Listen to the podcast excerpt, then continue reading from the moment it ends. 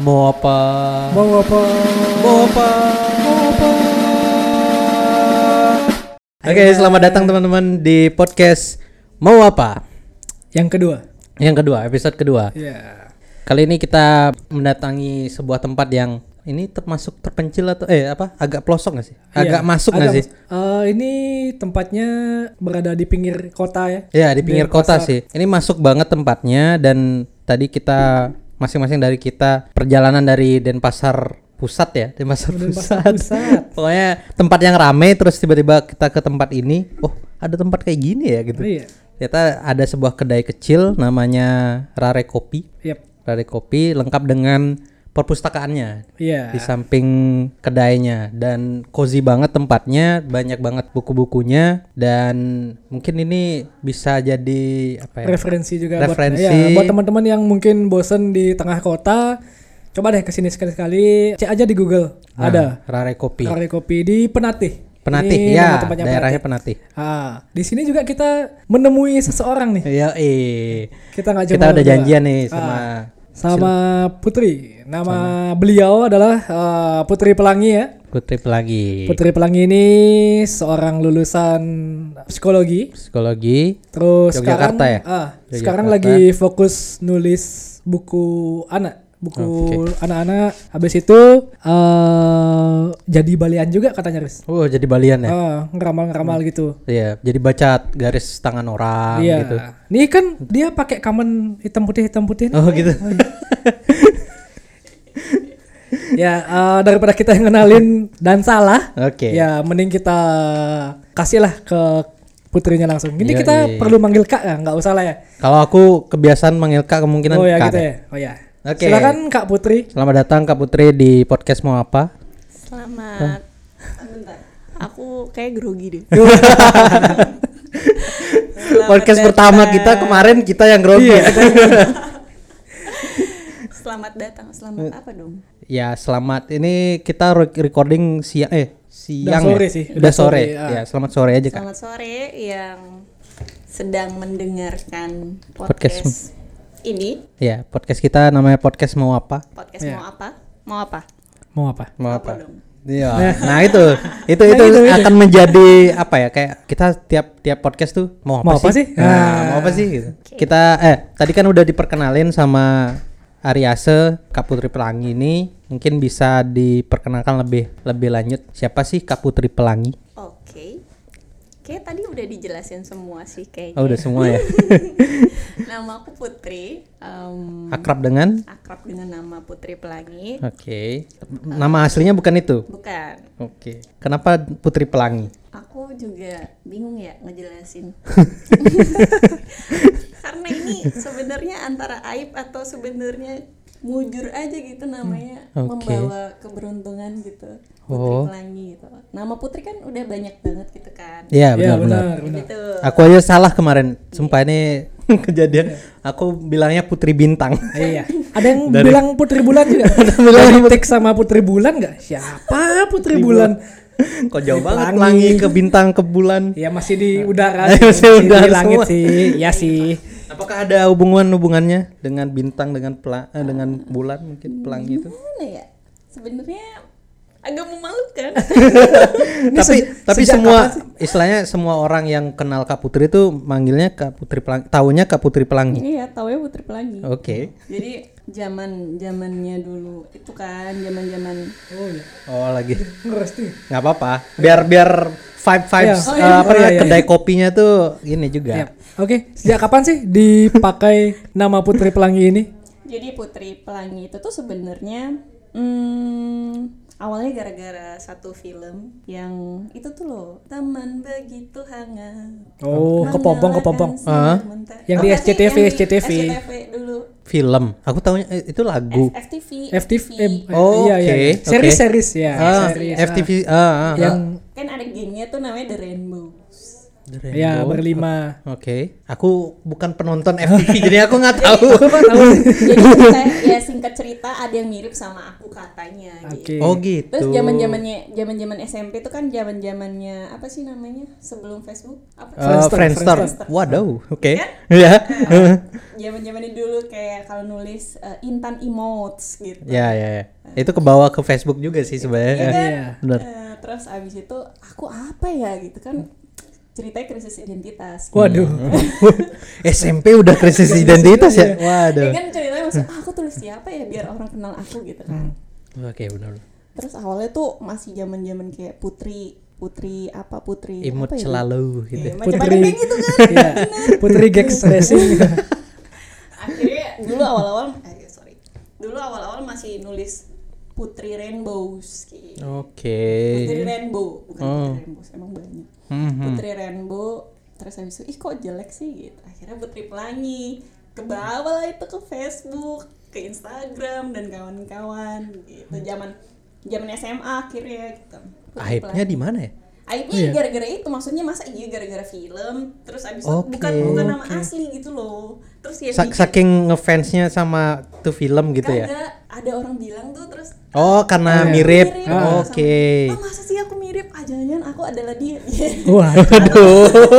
Wah itu kan ada lima tuh kalau nggak salah. Miripnya sama yang mana nih? Yang itu, nggak tahu, Cek. Yang Mika, yang Mika Tambayong. Waduh. Tasya, kan? Tasya. Oh, namanya Tasya. Iya. Tasya dulu gitu. Oh mirip kayak Mika Tambayong. Saya tidak cantik tahu. Oke.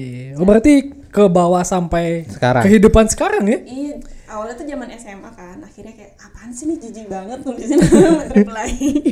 Tapi ke bawah sampai sekarang udah nikah masih aja. Sampai akhirnya SMA mau ganti ganti Facebook, ganti nama Facebook gitu. Orang-orang pada nggak tahu ini siapa Putri siapa gitu. Akhirnya- Gantinya jadi apa tuh? ya nama nama Nama asli. asli gitu ah aku kan udah tahu ini aku gitu maksudnya bukan nggak nyari nyari lagi gitu Iya. terus akhirnya ya udah setelah ganti eh nggak ada yang kenal ya udah balik lagi Putri Pelangi Iya.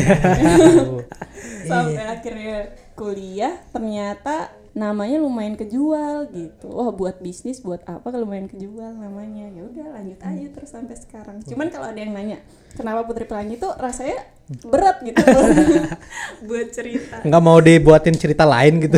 Untuk asal usul namanya. Biar lebih menjual.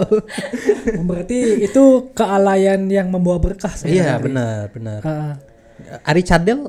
Wah jangan jangan. Itu enggak itu enggak itu enggak.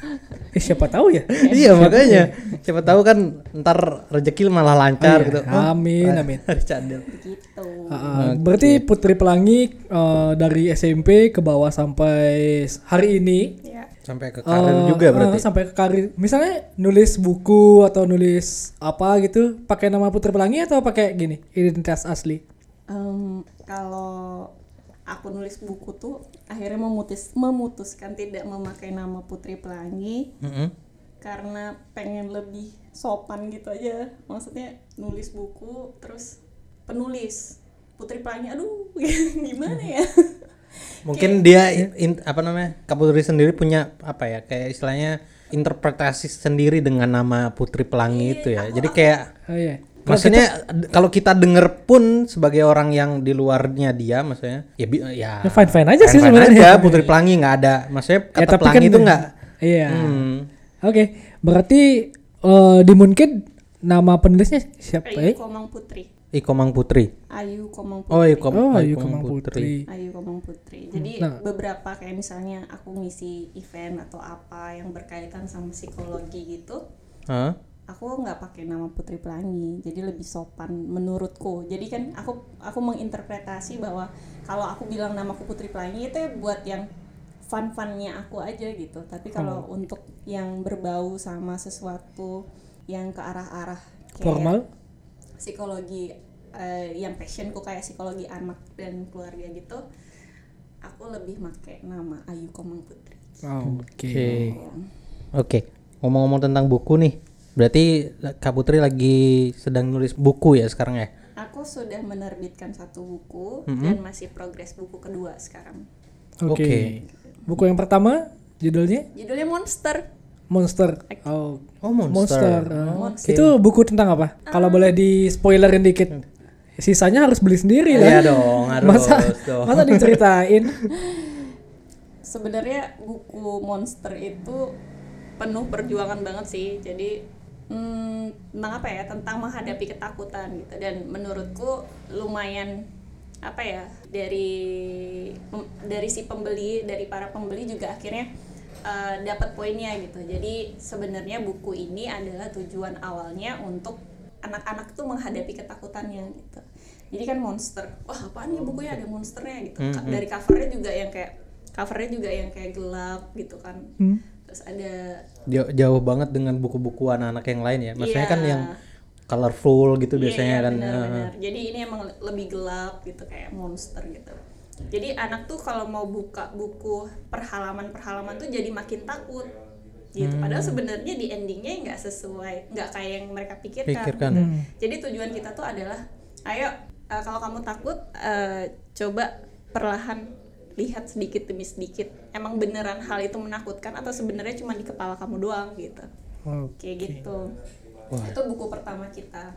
Hmm, itu itu pure dari pemikiran Kak sendiri ya atau sempet Iya. yang kayak Iya, jadi emang awal mula adanya penerbit buku Moonkit itu adalah sebenarnya awal mulanya karena aku iseng Mm-mm, bikin naskah naskah buku, mm-mm. iseng bikin naskah buku. Terus habis itu ngechat temenku, dia orang, dia anak psikologi juga, tapi eh, dia suka ilustrasi-ilustrasi gitu. Jadi kayak aku suruh dia kayak aku minta tolong dia buat jadi ilustratorku. Akhirnya mm, dia bilang wah aku suka nih sama ini sama naskah ini gitu, gitu. Akhirnya coba aku garap, coba dia garap, gitu, temenku garap. Akhirnya kok jadi makin bagus gitu. Akhirnya kita bikin tim, kita membangun tim namanya Moonkit Indonesia. Moon Kids Indonesia. Eh, dan akhirnya ya sampai sekarang masih berjalan. Hmm. Cuman memang tujuan awal kita bukan untuk menjadi Kayak penerbit penerbit buku, buku yang besar besar. Kayak atau gimana. Eh, besar kita doakan besar tapi Iya. bukan semata-mata itu doang ya. Mhm. Jadi emang tujuan awal kita itu emang untuk em, membangun kelekatannya orang tua sama anak. Jadi tujuannya kenapa ada buku cerita itu ya mm, biar si orang tua rata-rata tuh kadang orang tua tuh nggak tahu cara membangun komunikasi sama anak kan. Iya, Ya, benar benar benar benar. benar. Jadi salah satu medianya tuh adalah buku cerita gitu. Dari buku cerita tuh orang bisa dia bisa jadi jembatan untuk orang tua sama anaknya buat membangun komunikasi. Even cuman baca buku doang Ya. Itu tuh sebenarnya si anak sudah merasa bahwa ah aku ada kelekatan nih sama papaku Sama sama, Iya, mamaku benar. gitu. padahal ya sebenarnya hmm, ya membangun komunikasi ya tinggal ngobrol aja cuman kita sendiri nggak sadar sebenarnya kita susah membangun itu sama Yap. anak kita gitu Ya, Oke. Kebanyakan sih orang tua sekarang cuma dikasih YouTube aja kan anaknya. ya. Iya, YouTube. Jadi anaknya rewel misalnya udah dikasih HP. Itu Iya. sebenarnya ya itu mirisnya zaman sekarang sih ya. Iya, rada berbahaya sih sebenarnya kalau aku pribadi ya mikirnya Banget. melihat eh, ponakan-ponakan gitu atau eh, teman-teman yang udah punya anak, orang tuanya ngasih YouTube gitu. Karena istilahnya dari orang tua juga memang sibuk dan jalan pintasnya yaitu Iya, dengan benar memberikan gadget. Apalagi kalau misalnya anak umur lima tahun gitu-gitu udah punya gadget sendiri dia Iya. dan dia udah udah lihai banget gitu Hmm. menelusuri mau ke mana mau ke mana gitu. Oke balik lagi ke buku. Nah itu idenya di awal itu berdasarkan pengalaman sendiri atau gimana kak? Dari apa memang observasi kah atau gimana? Iya, yang kayak kalian cerita tadi itu juga. Jadi awalnya dulu kan aku jadi terapis anak berkebutuhan khusus. Oh, sampai sekarang sih masih untuk home visit home visit. Oh bukan bukan school base ya, yang kayak dulu SLB aku gitu ya? dulu aku di salah satu itu di salah satu klinik Hmm, Oke. jadi ada satu klinik itu aku training di sana tujuh bulanan dan maksudnya aku ngerasa wah ternyata emang di sini passionku gitu emang di bidang anak gitu sebelumnya itu emang sempet yang ke HR sempet yang ke konsultan psikologi gitu dan ngerasa nggak Yang lebih ke kayak orang dewasa iya gitu ya? ternyata nggak nggak dapat Manajemen. gitu akhirnya jatuhnya ke jadi itu terapis anak berkebutuhan khusus dan Hmm. akhirnya nemu bahwa wah ternyata banyak banget nih problem anak-anak yang yang nggak bisa ngomong yang Hmm. harusnya udah waktunya buat dia maksudnya udah udah di fasenya dia bisa ngomong ternyata dia nggak akhirnya nggak bisa ngomong karena itu karena gadget karena Oh gitu. orang kelekatan antara anak dan orang tuanya itu nggak nggak nggak ada gitu ya dibalik misalnya terlepas dari memang dia punya kebutuhan khusus dia tuh sebenarnya memang harus ada hubungan harus ada komunikasi yang dua arah antara anak dan orang tua untuk biar anaknya itu bisa ngobrol bisa ngomong gitu kan sedangkan kalau misalnya mereka sama gadget mereka sama handphone sama TV itu kan kayak mereka cuma nontonin orang Ya, ngobrol gitu satu arah ya? Iya itu komunikasi satu arah gitu. Sedangkan yang yang sehat tuh adalah komunikasi dua arah gitu. Makin lama makin lama akhirnya punya anak. Aku punya anak dan akhirnya aku akhirnya mencoba untuk kayak coba deh beli buku gitu. Beli buku cerita. Beli buku cerita dan eh, kebetulan anakku berkebutuhan khusus. Nah, aku anakku berkebutuhan khusus dan aku merasa kayak aku harus lebih banyak nih gitu. Hmm, Aku hmm, harus hmm. ngasih lebih banyak apa ya? aktivitas Iya. karena dia butuhnya lebih juga gitu. Iya benar-benar. Akhirnya aku memulainya dengan itu membaca buku, Hmm. membaca buku. Dan menurutku sampai sekarang umurnya dia 2 tahun, membaca buku tuh jadi sesuatu yang sangat mengubah dia banget gitu. Bukan mengubah sih kayak membantu Pertumbuhan, banget iya. gitu. Jadi kayak dulu tuh dari awal lahir sampai tiga bulan Iya. itu dia di, di rumah sakit dia nggak dia sama sekali nggak ada apa ya kalaupun kita kasih stimulasi itu kan susah Mhm. banget dia pakai alat bantu alat semuanya dan setengah sadar gitu. Dari segi motoriknya dia ya berarti ya. Oh, iya motorik Hmm, dia hmm, gitu. Jadi kayak semua alat bantu tuh di badannya dia. Gimana caranya kita mau ngasih ngasih stimulasi Iya, kan, gitu. benar-benar. Anaknya aja setengah sadar gitu. Jadi setelah tiga bulan di rumah sakit, kita pulang ke rumah. Di situ kita mulai push buat buat apa? Buat kasih dia stimulasi stimulasi. Hmm, hmm, hmm. Dari yang pertama fisioterapi, yang kedua ya itu aku bilang aku setiap malam selalu bacain dia buku dongeng gitu, buku cerita anak sampai akhirnya di momen enam bulan ke atas gitu aku langsung melihat bahwa wah komunikasi dua arahnya dia tuh bagus gitu terus abis itu yang yang orang-orang udah mikir kalau anak-anak dia Down syndrome Mhm. dia punya Down syndrome anak-anak Down syndrome tuh rata-rata hmm, dia bisa jalan tuh kadang tuh empat Empat ti- ta- tiga tahun empat tahun gitu baru bisa jalan gitu kan. Hmm, terus aku yang merasa kayak wah dia baru baru satu tahun satu tahun tiga bulan atau berapa tuh ya waktu itu udah udah udah bisa jalan gitu. Kayak aku ngerasa wah ini sebenarnya gara-gara apa ya? Gitu. Aku ngerasa kayak nggak ada stimulasi yang terlalu banyak gitu kayak aku bawa dia ke terapis atau gimana. Hmm, hmm. Terapis atau gimana terus akunya juga yang nggak terlalu banyak ngasih mainan-mainan edukasi kayak aku pas nerapi gitu Nah, kan Iya. Aku melihat banyak orang tua orang tua baru yang istilahnya orang tua muda itu malah yang kayak udah beliin mainan aja Iya, mainan beli mainan mainan gitu. iya. Ternyata akhirnya makin lama makin lama aku ngerasa wah ternyata masalah eh masa ternyata caranya adalah membentuk rutinitas gitu. Hmm. Jadi salah satu cara untuk membangun kelekatan dan mem- membuat anak menjadi lebih apa ya lebih lebih bisa lekat sama kita tuh, sama ya orang tuanya. ya kita bikin rutinitas biar dia tahu apa tujuannya dia datang ke dunia gitu jadi kayak Hmm. anak-anak awal tuh kan kayak nggak tahu terus bingung terus akhirnya ya udah gini aja gitu diem aja atau Oh. gimana gitu Walaupun anaknya masih kayak umur baru berapa bulan gitu ya. iya menurutku kayak gitu jadi misal nih dia usianya berapa bulan masih awal-awal dia harus tahu yang namanya konsep pagi dan malam Hmm. Oke. kita kasih tahu kita ajarin kalau tidur tuh malam hari, Malam hari. gitu kan itu udah perlu yang namanya edukasi itu jadi biar nanti ketika udah mm, lima bulan enam bulan tuh dia udah tahu konsep oh ini udah malam aku harus tidur gitu Hmm, hmm. jadi memang sudah perlu untuk diajarkan rutinitas cuman memang nggak bisa dipaksa Iya nggak bisa paksa. Nah itu nggak bisa dipaksa Pelan-pelan gitu aja ya sebenarnya. jadi balik lagi kayak yang aku bilang tadi akhirnya si si kecil ini Hmm, kok pertumbuhannya makin bagus komunikasi dua arahnya makin bagus Kalau boleh tahu siapa namanya? Arunika Arunika. Arunika Namanya Arunika. Dipanggilnya Aruni. Aruni Iya. Aruni gitu akhirnya aku memutuskan bahwa wah ini karena rutinitas membaca buku gitu. Selain rutinitas lainnya yang memang kita lakuin rutin gitu. Jadi kita akhirnya memutuskan bahwa membaca buku ini jadi poin penting banget buat dia gitu. Sampai akhirnya ada satu momen momen kecil yang menurut kita tuh kayak terharu banget. Dia tiba-tiba udah pas udah bisa jalan gitu. Iya. dia tiba-tiba bawa buku datang ke kita tuh minta tolong bacain, bacain. buku anjir. Itu yang kayak ah gitu. Kayak apa ya rasanya ya kayak, Kayak- dari dulu kita yang ngasih tahu Hmm, dia terus tiba-tiba dia datang tolong dong bacain aku buku gitu rasanya tuh kayak walaupun dia nggak ngomong ya rasanya tuh "Ah," gitu Iya sih. itu achievement banget buat aku beda dengan kalau anak-anak umur sat, apa umur satu tahun dua tahun gitu udah dikenalin dengan Gadget, HP iya. dengan gadget dengan YouTube gitu-gitu Datang-datang tolong gini.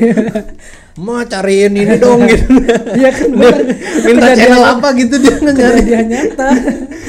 Iya gitu Hmm, oh berarti Keren, keren, keren. dari sana ya alasan akhirnya menulis buku anak. Betul. gitu. Jadi kayak Oke. akhirnya tuh banyak dapet referensi buku, ngeliat ternyata buku anak tuh ditulis nggak semudah itu, nggak semudah apa ya walaupun maksudnya sebenarnya sa- bahasa gitu-gitu sederhana banget sebenarnya sederhana, cuman nulisnya itu tuh nggak bisa seenaknya kamu nulis nulis buku cerita biasa gitu. Iya, iya, iya. Akhirnya aku mempelajari itu dan wah aku nemu nih poinnya di mana kalau bikin buku anak gitu. Walaupun sampai sekarang masih harus terus belajar ya. Hmm, iya, gitu. iya, benar. cuman memang oh nemu pola gitu ternyata nulis buku anak tuh kayak gini dan aku suka gitu dan aku suka akhirnya memutuskan untuk membuat buku pertama kemarin judulnya Monster Monster. Kenapa juga namanya Moon Kids ya? Itu dari Moon itu, monster itu. Bukan. bukan Bukan. Oh, Moon. Moonnya Moon bulan, bulan, bulan. ya. Moonnya Moon bulan Jangan-jangan itu Putri Bulan ya. Oh, bisa jadi. Oh, iya iya. iya. Putri bintang ini dari mana ya? Oke. Oke, itu buku pertama Monster. Buku Iya. kedua boleh dibocorin kah? Iya. Oh, masih rahasia. Oh, masih rahasia. Nah, Oke. buku monsternya bisa di- didapat di mana? bisa ada di Shopee ada di Tokopedia ada Instagram kita juga Moonkid ID Oke, Moonkid.id. Isi dot moonkit.id. Oke, lupa dia. Aku sih ingat. moonkit.id. Moonkid.id. Ya. Moonkid.id Oke. Nah, tuh selain nulis buku, ngapain lagi nih? Kan psikolog nih.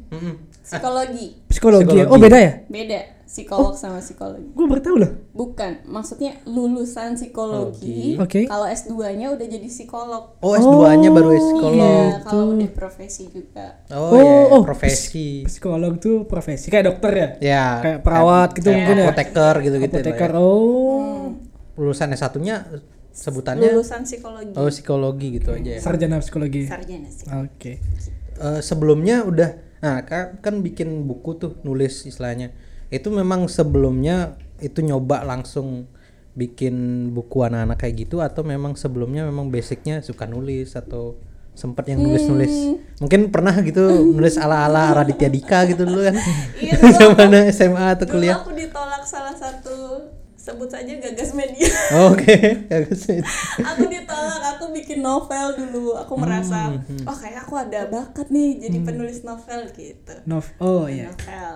Itu zaman? Zaman kuliah. oke. Ha-ha. akhirnya eh, dikejar kan sama itu kejar deadline Mm-mm. bulan Desember tahun 2000 berapa ya waktu itu ya? 2017 apa 16 tuh. Udah kirim naskah tak ada kabar. Nggak ada kabar hilang oke hilang pemirsa penulis Wattpad juga nggak? enggak Enggak. Gitu kan medianya kan gitu kan. Biasanya penulis-penulis tuh. gitu Oke. akhirnya memutuskan memutuskan untuk menulis buku cerita anak atas dasar merasa apa ya Kayak perlu banyak banyak orang yang perlu Iya. tahu juga gitu ya. Mm, ngerasa kayak ayolah yang lain juga aku udah ngerasa ini uh, Jangan efeknya malah kayak gitu. waduh eh, sorry to say misal kayak punya anak down apa eh, berkebutuhan Kebutuhan khusus, khusus. terus udah nyerah gitu aja gitu ya. Hmm, betul betul betul kayak gitu dan ternyata nulis buku cerita anak juga nggak segampang Nggak itu segampang itu juga. iya Tapi menyenangkan gak sih? ini kan udah selesai baru baru tiga minggu empat minggu ini baru selesai naskah buku kedua itu tuh berat banget jujur karena kita udah udah punya satu buku pertama yang harus bukan harus sih kayak kita nggak mau buku kedua ini malah jadi Malah lebih kayak, buruk gitu. oh, Padahal iya, buku iya. pertamanya ini udah yang secara kualitas da- ini ya ngenilai da- dari di sendiri ya Iya gitu. Jadi kayak apa ya stres banget sih sebenarnya nulis buku kedua. Ternyata nulis buku kedua lebih stres daripada buku pertama. Karena yang kedua ini banyak tekanan. Yang kedua juga harus mulai ke arah yang ketakutan, mulai ke psikologi, psikologi psikologinya, ada psikologi psikologinya gitu. Dan dan nulis buku anak juga hmm, kalau bisa tuh kalimatnya berima Oh iya iya. gitu terus iya, iya. banyak pengulangan dan buku cerita itu endingnya tuh harus kalau bisa harus split Oh jadi iya. Biar dia mikir ya. biar si orang tuh di ending plot twist iya kayak Iya. oh, Oh, iya? momen gitu oh iya ya gitu jadi kayak nggak bisa yang saya enaknya nulis buku aku dulu mikirnya gitu kan ah nulis buku Eh. anak gitu selamat pagi selamat siang gitu aja kan biar tahu pagi siang sore gitu eh ternyata ternyata setelah ikut banyak banyak kelas-kelas gitu gitu-gitu ya Mhm. akhirnya menyadari ah ternyata susah juga ya pemirsa gitu aku sebenarnya mau balik lagi ke masalah apa ya tadi tentang anak-anak sih Yep. sebenarnya karena penasaran nggak apa-apa ya Nggak apa-apa. Nggak apa-apa. jadi aku punya istilahnya apa ya anak tetangga ya anak tetangga Punya anak tetangga. bukan punya anak tetangga ada eh, seorang anak tetangga yang memang ter ter apa ya pokoknya dia memang memang berkebutuhan khusus ya tapi malah makin ke sini anaknya udah lumayan besar Oh. dan sekarang udah kelas 4 SD Hmm. nah tapi eh, treatment yang diberikan oleh orang tuanya karena memang orang tuanya tuh sibuk oke sibuk memang di kerjaan gitu istilahnya nah treatment yang diberikan adalah ya udah dia biarkan anaknya punya eh, punya hidup eh, punya hidup Dunia. sendiri dunianya sendiri dan dibekalilah gadget oke dan yang sehari-hari aku lihat anak ini benar-benar terjerumus sekali dengan gadgetnya gitu. iya, nah, itu kira-kira untuk untuk apa ya istilahnya? Untuk Mengembalikan. iya eh, nanggulangin deh. Ya. Soalnya aku takut juga maksudnya prihatin juga walaupun Iya, iya, ini anak orang lain ya. iya iya Kadang soalnya sering eh, aku ajak komunikasi gitu biar biar dia nggak di depan HP doang Hmm, gitu. iya, iya. Oh, itu sebenarnya nggak bisa langsung aku kasih tahu maksudnya gimana gitu. Karena pertama kita harus tahu juga diagnosanya apa Hmm. penyakitnya apa dan seberapa parah gitu loh. Maksudnya udah sampai terapi obat atau enggak kan anaknya kita nggak tahu. Cuman memang yang paling penting ya komunikasi dua arah. Emang yang paling penting adalah hubungannya dia dengan figur lekatnya dia. Figurkan aja. gitu. Itu itu hal menurutku ya menurutku pribadi sebagai sebagai terapis anak dan sekaligus sebagai orang tua tuh hal penting pertama di dalam hidup anak itu ya hubungannya sama satu figur itu gitu. Figur figur ya figur lekatnya dia siapa gitu sekarang. Kalau figur lekatnya dia memang orang tua ya bagaimana hubungannya dia dengan orang tua? Ibaratnya kamu kamu kamu baru lahir gitu terus kamu mau cari cari zona amanmu gitu. Kayak ibaratnya ini apa sih? Aku baru tiba-tiba terjun ke dunia terus aku nggak tahu aku harus berpegangan sama siapa gitu. Terus kalau misalnya seandainya dia sudah merasa aman dengan figur lekatnya dia gitu dia sudah aman sama orang tuanya dia dia lebih berani untuk eksplorasi keluar gitu. Dia lebih berani untuk oh ini namanya buku ini namanya bermain ini namanya teman ini namanya apa. Karena dia udah udah kuat basicnya gitu. Iya, dia iya, udah kuat hubungannya dengan orang tuanya. Oh ternyata kalau misalnya aku sakit misalnya aku keluar main sama temen terus aku jatuh ternyata aku punya orang tua yang bisa ngobatin aku. Kasarnya kayak gitu kalau oke. anak-anak. sedangkan kalau misalnya sekarang hubungan komunikasinya aja sama orang tuanya tidak terbentuk dan tidak terjalin dengan baik anak tuh akan kebingungan gitu. Anak tuh akan cenderung mencari hal lain yang bisa bikin dia ngerasa aman Iya. gitu. Ah, dan apa itu? Gitu kita kan maksudnya kita aku nggak tahu misalnya si si anak tetanggamu itu bagaimana komunikasinya sama orang tuanya. Cuman kalau misalnya sudah sampai full gadget sam seharian gitu menurutku sudah sangat tidak sehat gitu. Iya. apalagi dia berkebutuhan khusus gitu. karena kalau anak berkebutuhan khusus tuh memang harus double double jadi misalnya anak biasa yang harus yang biasanya apa ya kadang nggak kadang orang nggak stimulasi gitu kan berjalan tapi Iya. memang tidak optimal gitu misalnya kan Mhm. tapi kalau anak berkebutuhan khusus tuh yang memang harus kita kasih stimulasinya itu tuh harus double double gitu karena kalau nggak dikasih ya jatuhnya dia makin makin apa ya makin mundur gitu Hmm. kayak kalau kasarnya kan kalau kita kita memvalidasi orang itu biasanya lewat IQ atau apa gitu kan Yep. Nah, sekarang kalau untuk anak-anak yang berkebutuhan khusus tuh gimana caranya kita mengoptimalkan janganlah kita muluk-muluk minta IQ-nya biar tinggi atau gimana buat standarnya aja tuh kita perlu yang kayak ngasih dia stimulasi yang besar banget gitu. Mhm. Jadi kalau anaknya sampai berkebutuhan khusus terus abis itu dikasihnya gadget doang itu udah bener-bener kelewatan menurutku gitu.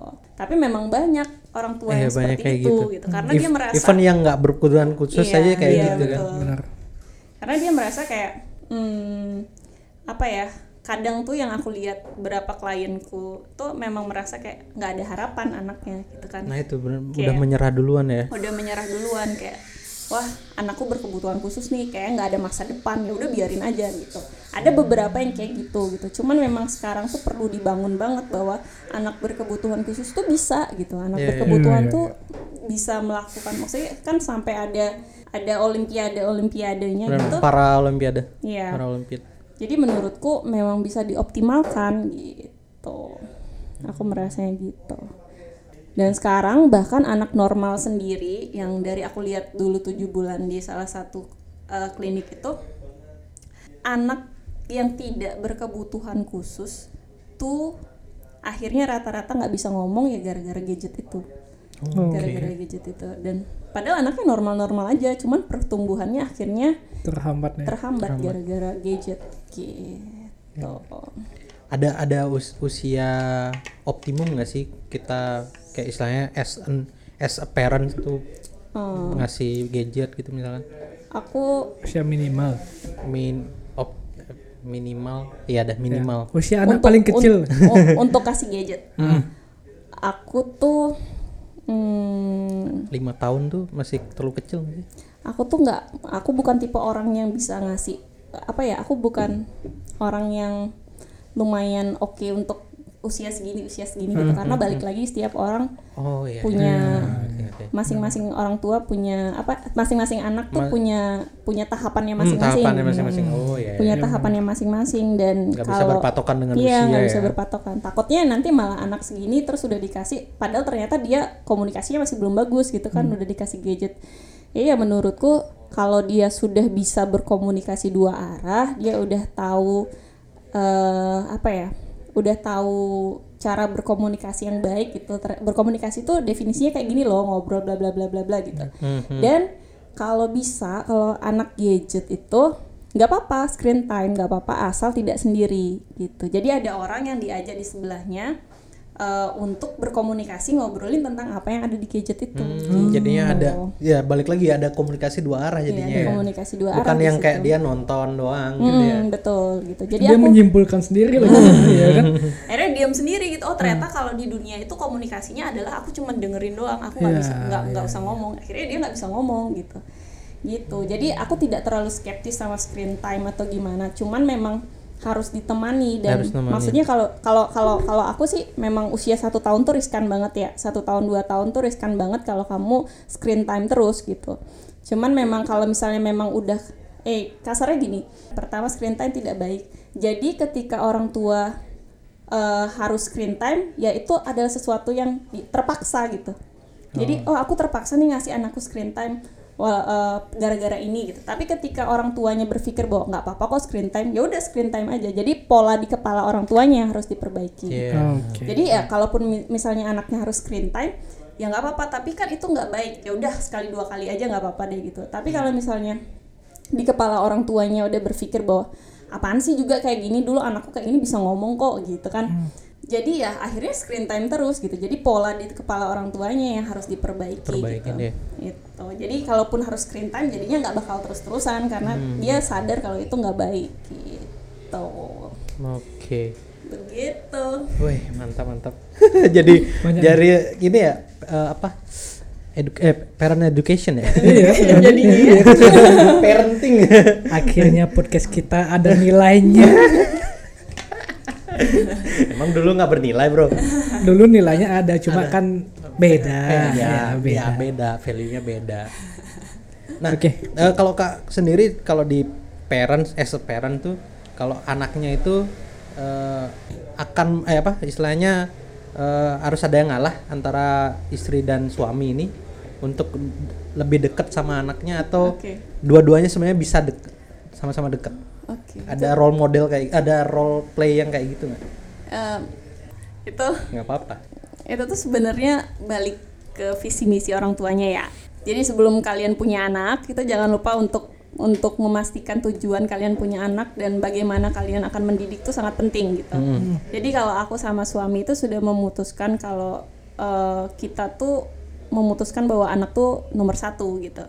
Anak tuh nomor satu dan kita memutuskan eh, kerjaan jadinya nomor dua gitu. Karena posisinya anak kita berkebutuhan khusus. Iya. Jadi kita harus lebih banyak waktu sama anak itu yang pertama. Jadi otomatis eh, kita yang kere kere bareng-bareng gitu.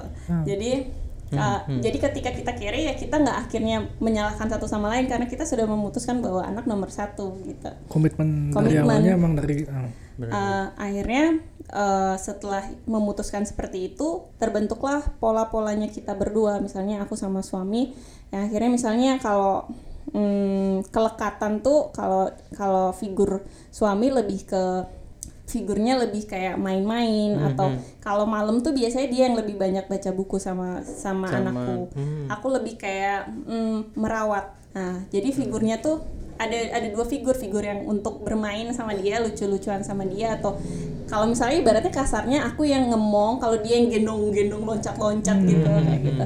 Jadi aku aku merasa sebagai ayah atau sebagai ibu tuh memang harus punya punya peran harus punya pembagian peran. Cuman cuman bedanya adalah seberapa banyak si si orang tua ini punya peran. Misalnya aku sebagai pes- peran pengasuhnya dia cuman mungkin aku 70 suamiku 30 misalnya yang bermain mungkin lebih ke suamiku lebih banyak aku. Oh, Oh, tetap masing-masing punya tapi eh, persentasenya Iya, tuh betul. siapa yang lebih ge- banyak siapa yang lebih oke gitu oke sangat inspiratif sekali parent parent- parenting one on one parenting education.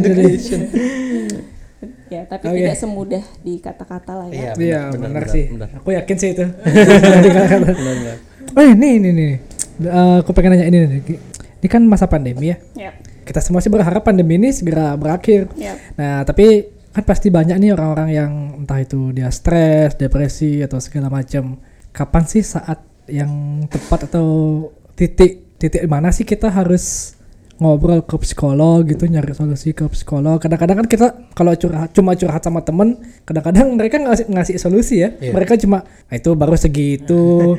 Gue mendang mending. Iya mendang mending kan kadang-kadang. Iya iya iya betul betul. Ada nggak sih eh, titik mana kita harus curhatnya ke psikolog Iya, gitu. iya. Ke- atau ke teman-teman yang lebih paham psikologi gitu. Balik lagi skep itu skeptisnya kita ya. Maksudnya Ah. kayak ah ngapain sih ke psikolog?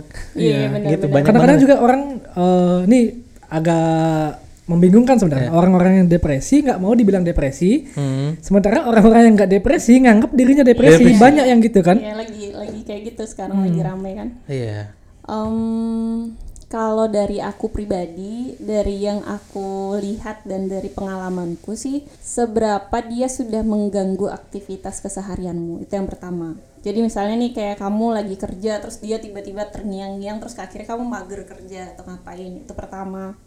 Terus abis itu kalau kalau kamunya yang udah kayak apa ya, hmm, kamunya intinya itu sih yang pertama sih kayak kamu sudah terganggu kamu sudah merasa bahwa itu mengganggu rutinitasmu setiap hari itu udah Nggak eh, nyaman lah ya. Iya udah ngerasa nggak nyaman gitu. Jadi ya nggak nggak ada salahnya gitu nggak ada salahnya untuk untuk untuk konseling gitu untuk untuk ketemu psikolog untuk sekedar eh, apa ya ngobrol dan nyurahin nyurahin isi hati kamu gitu. Cuman sekarang udah rame kok mau kayak beberapa konsultan eh biro-biro psikologi gitu yang sebelum kita datang ke sana tuh udah kayak ada ada apa sih ngisi di webnya mereka. Kayak kamu ini nggak kamu susah tidur nggak kamu ini ini ini, ini," kayak gitu. Jadi mereka kayak oh iya ini seberapa persen berapa persen kamu eh, punya punya apa ya ini sudah mengganggu kamu. Kalau kamu mau ayo datang ke ini gitu. Jadi ada beberapa web-web yang udah kayak gitu. Dan apalagi sekarang udah banyak webinar-webinar dan zoom-zoom tentang itu kan untuk membangun maksudnya mental Eh, awareness men- kita. iya, kesehatan mental. Ya Hmm. gitu. Nah, dan itu menurutku sejauh kamu sudah merasa terganggu kamu sudah bisa dibilang perlu psikolog Perlu gitu. psikolog. atau atau sekedar kamu mencari tahu nggak janganlah dulu misalnya kalau misalnya kamu merasa kayak ah kayaknya aku nggak perlu deh. Udah nggak apa-apa gitu. Kamu coba aja cari web-webnya atau ikut webinar tentang hal-hal seperti itu gitu. Siapa tahu semakin kamu mendalami semakin kamu tahu ternyata kamu butuh psikolog. Gitu. Kalau misalnya kayak mungkin eh, teman-teman yang kecanduan, mungkin entah itu kecanduan gadget, kecanduan mungkin eh, lebih parah kayak alkohol, mungkin atau narkoba gitu, Iya. bisa ke psikolog juga nggak sih? Bisa. Atau oh bisa ya? bisa. Menurutku itu bisa. Ada ada beberapa terapi-terapi yang eh, dari psikolog sendiri tuh kayak eh, modifikasi perilaku. Jadi beberapa kayak dulu aku pas kuliah tuh pernah pernah ngebantu orang yang pas kuliah nih ya. Jadi kan masih di bawah di bawah pegangan dosen ya masih dibantu dosen. Jadi mm, ada yang kecanduan sama rokok. Oke. masih sederhananya dia kecanduan rokok terus eh, kita bikin suatu modifikasi perilaku buat ngebantu dia berhenti ngerokok tapi bukan yang kayak langsung berhenti atau gimana. Jadi ada perilaku perilaku yang harus diperbaiki dulu gitu atau diubah mindsetnya atau gimana. Jadi psikolog menurutku juga ngebantu cuman tergantung sekarang. Karena setiap psikolog itu aduh setiap psikolog itu punya metodenya masing-masing. Jadi ada psikolog yang lebih ke kalau yang kita sering dengar kan Freud tuh ada yang psikoanalisa, ada yang psikoanalisa, ada yang lebih kayak positivity gitu. Jadi kayak ada yang lebih um, metode-metodenya beda. beda-beda Metodenya beda-beda. Jadi kadang kalau orang ke psikolog tuh cocok-cocokan Iya, iya. gitu. Cuman yang lebih tahu sih yang lebih master. Oh iya. Aku hanya sedikit menjelaskan. Oke. Gitu. Nah, dari Kak, Kak Putri sendiri ada ada step untuk menuju ke sana? pengen, Pengen. cuman aku tidak mau punya ideal yang terlalu tinggi Hmm. karena sekarang kan posisinya anakku masih butuh Iya. aku banget gitu jadi aku tidak mau stres gara-gara punya ideal atau mimpi Balik yang lagi prioritasnya iya, anak ya. prioritasnya ya. sekarang anak gitu Oke. Oke, kita doain yang terbaik deh pokoknya. Amin, amin. Yap, yap, yap. Oke. Nah sebelum kita tutup nih, Mm-mm. mungkin ada pesan yang mau disampaikan ke Ada yang ada yang mau dipromoin juga Iya. mungkin. Semoga mungkin eh, semoga bisa bantu gitu. Podcast kita bisa bantu lah ya. Iya itu salah eh, apa ya? Em, sepengalamanku ya maksudnya eh, untuk kalian yang mungkin sudah berkeluarga atau sedang ingin menik apa ya sedang mempersiapkan pernikahannya atau semuanya eh, cobalah untuk lebih aware sama dan belajar tentang em, apa ya membangun hubungan dan membangun komunikasi yang baik. Itu seperti apa gitu. Karena karena ketakutan terbesarnya adalah nanti pengaruhnya ke anak. Iya. jadi aku sangat aku sang, sampai sekarang masih sangat fokus banget untuk membantu orang tua membangun komunikasi dan kelekatan sama anak. Dan menurutku sebelum kalian memutuskan punya anak Mm-mm. belajarlah yang banyak dulu tentang tentang membangun sebuah keluarga itu seperti apa biar nantinya anak nggak jadi nggak jadi Apa istilahnya? nggak jadi Kasarnya- pelampiasannya Iya. gitu. ya nggak jadi korban lah. nggak jadi korban jadi selamat belajar dan selamat bertumbuh Gitu. Wih, mantap. Dalam dalam dalam dalam banget. Oke, eh, mungkin kita cukupkan aja kali ya saya. Nah, Buat teman-teman yang eh, balik lagi ke yang penasaran dengan mungkin eh, ada orang tua orang tua muda nih teman-teman yang pendengar eh, penasaran dengan bukunya dari Kak Kak Putri Pelangi bisa kunjungin Instagramnya @moonkid.id ya. iya. Moonkid. Dan Lupa Instagramnya ditunggu buku keduanya Oh Iya. iya. Next buku keduanya. Dan kalau misalkan teman-teman yang penasaran eh penasaran pingin di apa ya Tarot, baca iya. di tarot di tarot bisa hubungi juga Hmm. Kak Putri di Putri Pelangi ya. Ya, Putri Pelangi. Bisa konsultasi gini juga, psikologi juga mungkin Psikologi, iya. curhat. Ada sesinya kan? ada ada Ada sesinya. Ntar bisa di DM aja. Ah, Kalau buat teman-teman yang eh, lagi jomblo jomblo yang perlu eh, apa kasih sayang seorang lelaki bisa hubungi Oh, at gitu ya? arias.kd. yang dipromoin ya. Oke, jangan lupa juga follow Instagramnya @kdaeris eh, dan Instagram at podcast mau, Mau apa. apa. Ya. Sampai jumpa di next episode. Semoga bermanfaat. Bye bye. Bye bye.